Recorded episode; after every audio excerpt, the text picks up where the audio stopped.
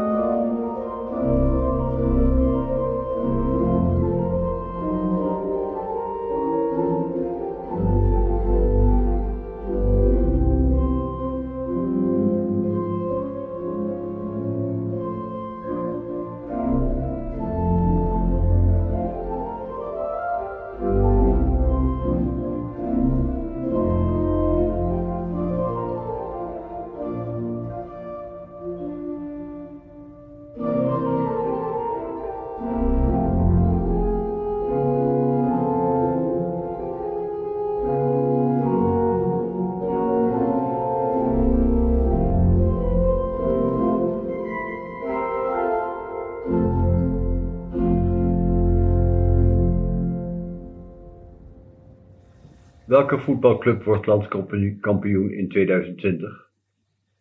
Op 1 maart, nog geen twee maanden geleden, schreef een krant aan Feyenoord de beste kansen toe. Want die speelde toen sinds maanden het meest constante, constante voetbal. Er komt in 2020 geen landskampioen. Dick Advocaat blijft volgend jaar wel bij Feyenoord en dat is tenminste iets om je op te verheugen.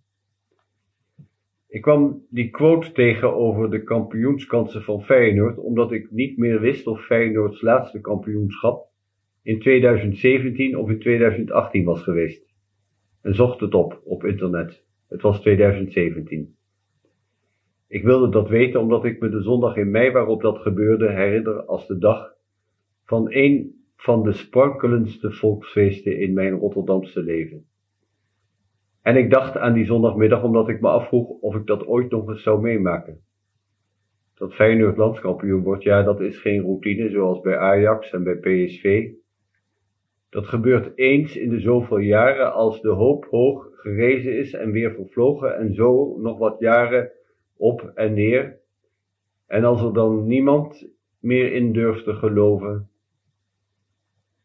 dat maakt die kampioenschappen van Feyenoord ook zo onvergetelijk.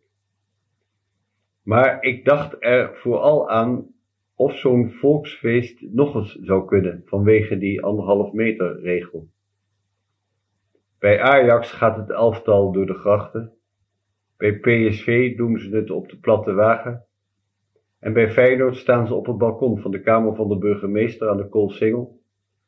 Maar wat ik me van 2017 herinner, dat is niet Dirk Kuyt en de jongens, maar het legioen. De meisjes en de jongens, de vrouwen en de mannen op de Koolsingel en het Hofplein. Ik stond toen aan de rand van de fontein en om mij heen sprongen ze en hosten ze door het water. Zo met elkaar in uitzinnige blijdschap. Ik dacht eraan omdat ik me afvroeg of het ooit nog, en ja, zo ja, hoe lang dat zou duren. En omdat ik me afvraag hoe een mens zonder kan, zonder met anderen te zijn, in een menigte, in een stadion, in een theater, in een kerk, en opgetild te worden in iets wat je samen beleeft. Want alleen zijn en opgetild worden, dat kan een mens niet. In de natuur, ja. Maar dat is anders. Een andere manier van verbonden zijn.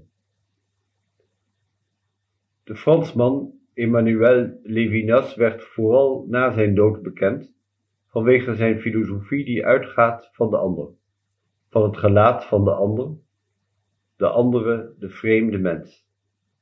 De ander die mij aanziet, doet een beroep op mij, spreekt mij al dan niet woordeloos aan, roept mij uit mijn op mezelf gerichte isolement. Volgens Levinas is de westerse mens een eenzaam wezen geworden, want alleen op zichzelf betrokken. Ik neem de ander waar. Die ander is enkel voorwerp van mijn waarneming. En wat buiten mijn waarneming is, bestaat voor mij niet. De ander bestaat alleen voor zover ik hem een plaats toeken in mijn bestaan. Of wij nu in de dagen van corona meer voelen wat alleen zijn, wat eenzaamheid is, dat vraag ik me af. We geven vandaag hoog op van de hulpverleners in de zorg. Mensen die met het risico om zelf besmet te worden zich wijden aan de verpleging van anderen. De helden van de zorg. Hulpverlener heten ze en dat is voor een deel een treffende benaming.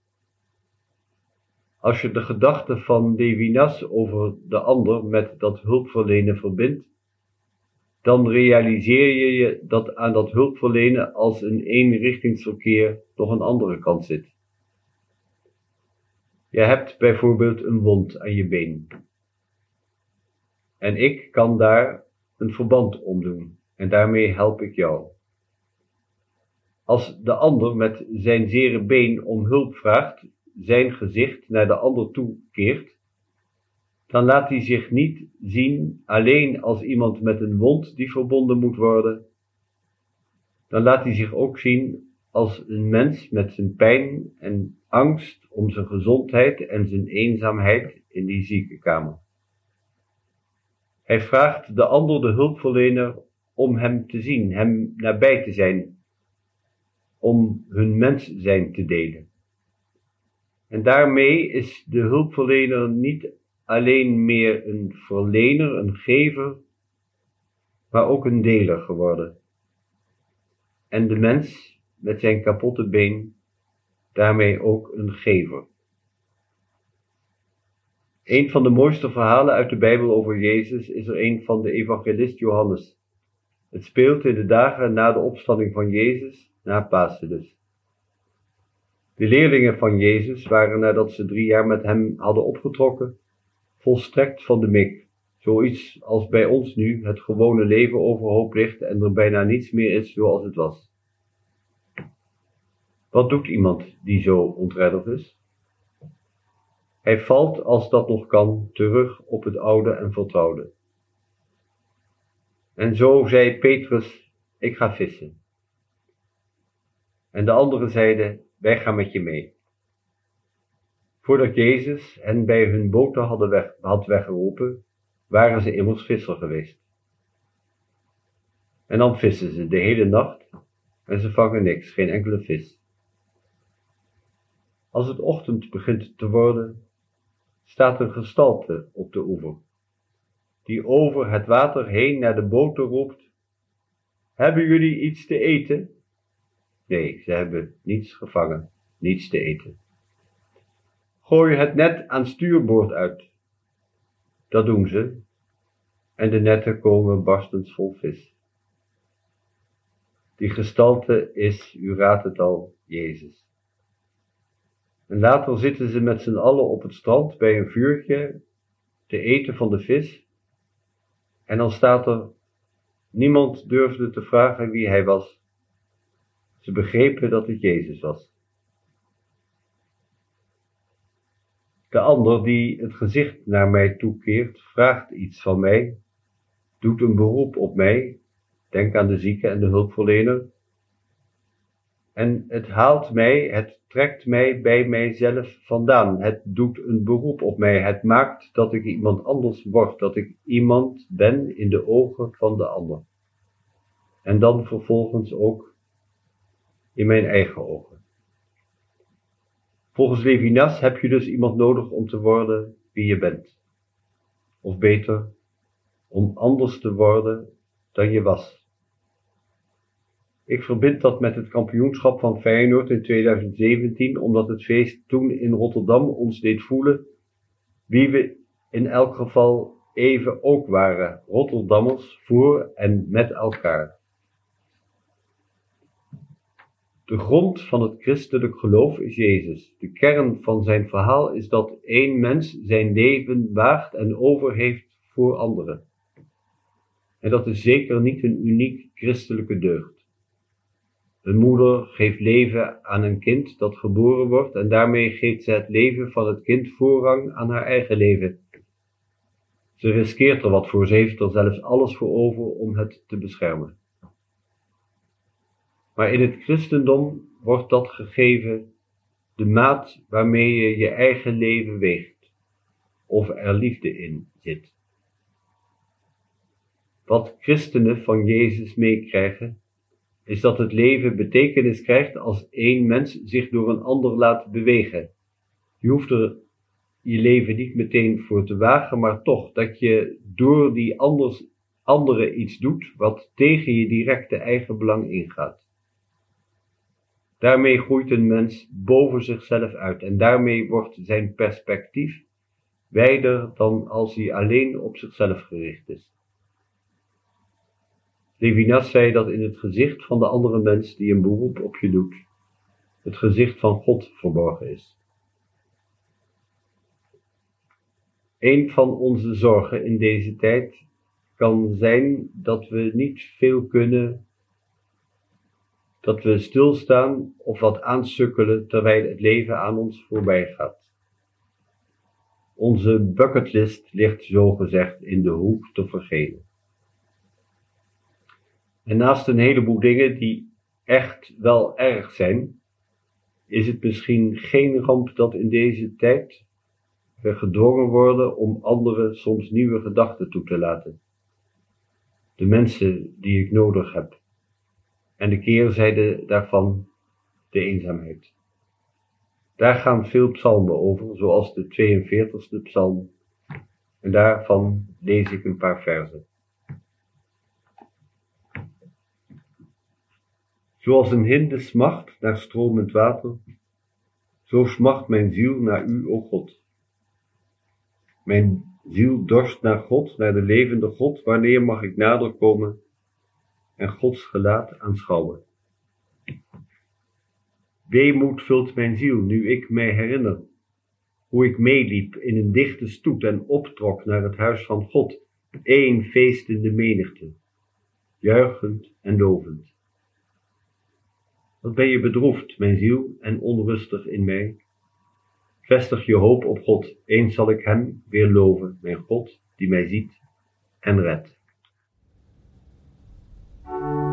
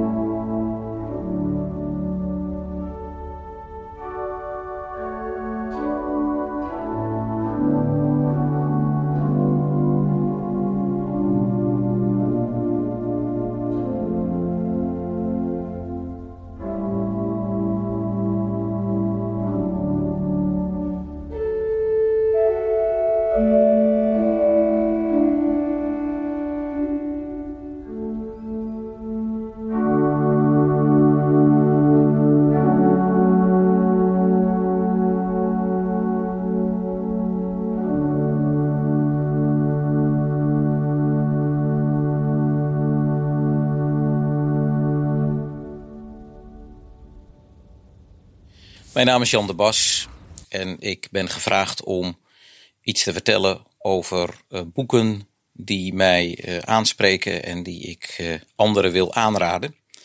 En vandaag wil ik ingaan op een boek dat al een tijdje op mijn nachtkastje ligt en waar ik af en toe uit lees. Dus het is niet zo dat ik het van kaft tot kaft heb gelezen. En eigenlijk is het ook een boek dat zich daar niet goed voor leent. Het gaat om een boek van Martin E. Brinkman. En het boek heet Grote Woorden. En het heeft als ondertitel Met dank aan dichters en denkers. Het boek is uh, niet zo heel lang geleden verschenen bij Kok Boekencentrum. Uh, in 2019, in het uh, najaar. En het is een boek waarin Brinkman, die hoogleraar, emeritus hoogleraar ecumenische interculturele theologie aan de VU te Amsterdam was, ehm, of is. het is een boek waarin hij tien woorden centraal stelt. En hij probeert vanuit de inspiratie van dichters en denkers te schrijven over tien woorden: traditie, God, schepping, kwaad, schuld, plaatsvervanging, opstanding, vrijheid, liefde, dood en gebed. En in die tien woorden, uh, of naar aanleiding van die tien woorden, zoekt hij eigenlijk een soort positie. Hij haalt uit de literatuur, hij haalt uit de essays, haalt hij voorbeelden, haalt hij ideeën, om ze als het ware te, te, te bespiegelen en gelijktijdig daarmee ook als het ware zijn eigen denken met betrekking tot die woorden vorm te geven. Dat leidt soms tot wat, wat, wat fragmentarische uh, hoofdstukken, waarin verschillende perspectieven langskomen. Maar de bedoeling is eigenlijk dat je als lezer met Brinkman meedenkt en leest. En zo al denken tot je eigen concepten komt. Want daar gaat het eigenlijk om. Uh, Brinkman wil de concepten van de begrippen die ik net noemde uh, delen. En de, ja, de, totstandkoming van die concepten, de werking ervan, de betekenis ervan. Uh, voor zijn eigen bestaan, voor zijn eigen geloof, wil hij aan ons doorgeven. Het zijn tien concepten. Ik wil bij twee concepten wat nader stilstaan. Het eerste concept waar ik het over wil hebben, dat is het concept God. Dat is eigenlijk een concept dat hij expliciet in hoofdstuk 2 belicht, maar dat ook eigenlijk in de andere hoofdstukken wel weer ter sprake komt. In uh, hoofdstuk 2 uh, staat het, uh, is de titel Hallo met God, ik ben er niet.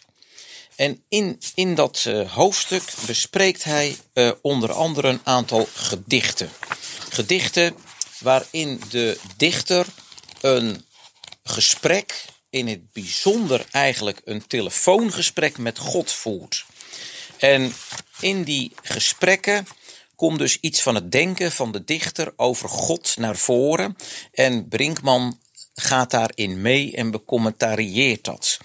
En uh, je zou kunnen zeggen dat hij uh, aan de hand van die ge gesprekken met God um, zijn, zijn denken over uh, God doorgeeft.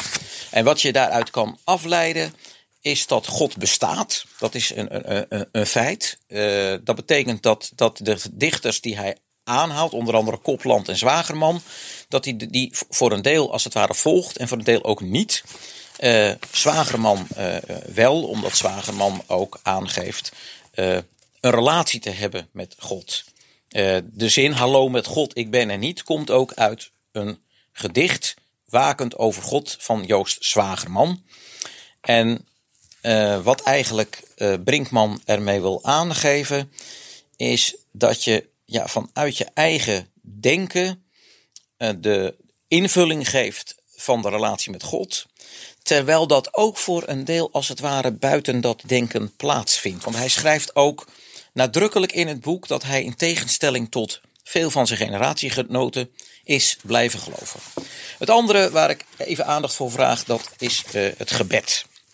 En het, gebed is natuurlijk een, een, belangrijk ding, zeker in de tijd van de coronacrisis. Ik kreeg zelfs een kettingbrief onlangs waarin het Onze Vader gebeden diende te worden. En ik heb dat ook doorgegeven. Sommige mensen die zeggen fijn dat je dat doet en anderen die zeiden schreven: nee, moet je niet doen, want dat is iets voor de binnenkamer. In het boek van Brinkman schrijft hij over het gebed eh, twee, twee uitersten, waarin de mens zich als het ware eh, tussen moet manoeuvreren. Dat is eh, aan de ene kant zeg maar het idee dat je eh, kan bidden tot God, maar het haalt helemaal niks uit, want het ligt min of meer allemaal al vast. Dus het is een soort, ja, je zou kunnen zeggen, hol uh, ritueel. Als ik het even uh, oneerbiedig uh, formuleer. En het, het is gedetermineerd, schrijft hij op bladzijde 21, alles ligt vast. En aan de andere kant is er een soort indeterminisme, niets ligt vast. En er, er is, er is een, een weg om te bidden. De weg van het opdat, waarin de gelovige zijn toonhoogte afstemt op degene tot wie hij zich richt. En dat is misschien in deze tijd uh, van de coronacrisis wel een van de mooie dingen die hij uh, aan ons doorgeeft. Ik lees tenslotte een gedicht. Het is een beetje ijdel, maar het is een gedicht van mijzelf. Dat wordt besproken door Brinkman uh, in het kader van Wie is God en bellen met God. En het, God heet de telefoon, het gedicht heet De Telefoon van God. Bij God ging de telefoon. Hij rinkelde heel vrolijk. Of je aan het geluid kon horen wie het was. En zo was het ook. God hoefde niet op te nemen. Hij wist exact wat er werd gezegd. En vaker nog verzwegen. Dit keer ging de telefoon heel kort. Had iemand hem weer neergelegd omdat hij spijt had? Angst voor een gesprek of verkeerd verbonden? God wist wie had gebeld. Hij knikte en zei langmoedig met een stem als van een volmaakte receptioniste: Hij heeft tenminste gebeld. Van harte aanbevolen, Martin E. Brinkman, Grote Woorden, met dank aan denkers en dichters.